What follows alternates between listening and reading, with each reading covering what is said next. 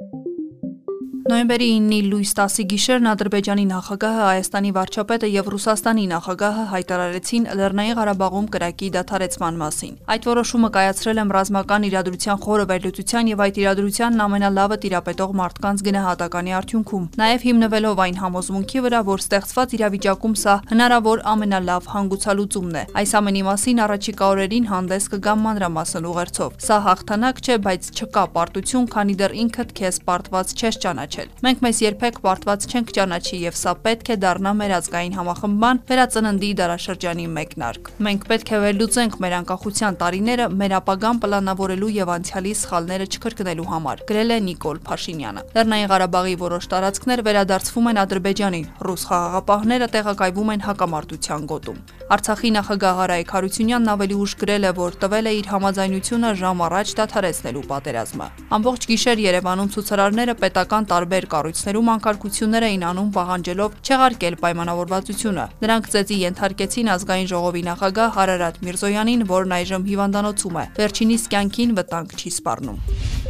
Վարչապետ Նիկոլ Փաշինյանն իրար հաջորդող մի շարք գրառումներում անդրադարձել է Ադրբեջանի եւ Ռուսաստանի հետ կայացրած երակողմ համաձայնությունից հետո ստեղծված իրավիճակին, նշելով, որ որևէ անազնիվ քայլ չի արվել։ Նա հայտնել է, որ առաջիկայում մտածում է հանրահավաք կազմակերպելու մասին։ Բոլոր այն քաղաքացիներին, ովքեր հավատում են ինձ եւ հավատում են մեզ, խնդրում եմ պատրաստվել պայքարի։ Հանկարծ վարքյան անգամ չկասկածեք, որ որևէ անազնիվ բան չեն կարել, որևէ գործարքի չեմ գնացել եւ գործել եմ այնպես, որ ունենամ բոլոր հարցերի պատասխանները եւ մաքուր լինեմ եմ հայրենիքիս ժողովրդի առաջ։ Այս ցաներ պահին պիտի կանգնենք կողք կողքի ընդդեմ սերմնացու գողացող մկների, գրել է վարչապետը։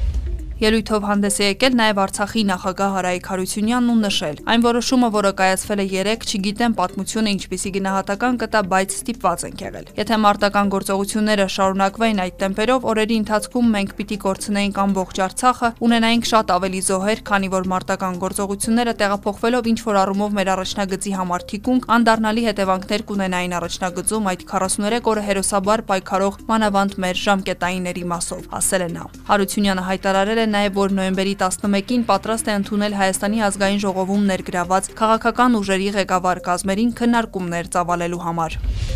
Հանրապետության նախագահ Արմեն Սարգսյանը հայտնել է, որ մամուլից է տեղեկացել Ռուսաստանի եւ Ադրբեջանի նախագահների հետ ստորագրվել է Ղարաբաղյան պատերազմը դադարեցնելու մասին հայտարարություն։ Նրա խոսքով մամուլից տեղեկացել է նաեւ պատերազմի դադարեցման պայմանների մասին։ Որպես հանրապետության նախագահ այս փաստաթղթի վերաբերյալ ինձ հետ որևէ խորհրդակցություն կամ քննարկում ցավոք չի եղել։ Որևէ բանակցության չեմ մասնակցել, գրել է նա։ Նախագահը շարունակել է. հաշվի առնելով արկա իրավիճակով պայմանավորված ժողովրդի ստվար զանգվածի խոր մտահոգություններն անհապաղ նախաձեռ անդրադառնում եմ քաղաքական խորհրդակցություններ համազգային շահերի պաշտպանության մեր օրակարգից բխող լուծումներն ամենակարճ ժամկետներում համաձայնեցնելու նպատակով։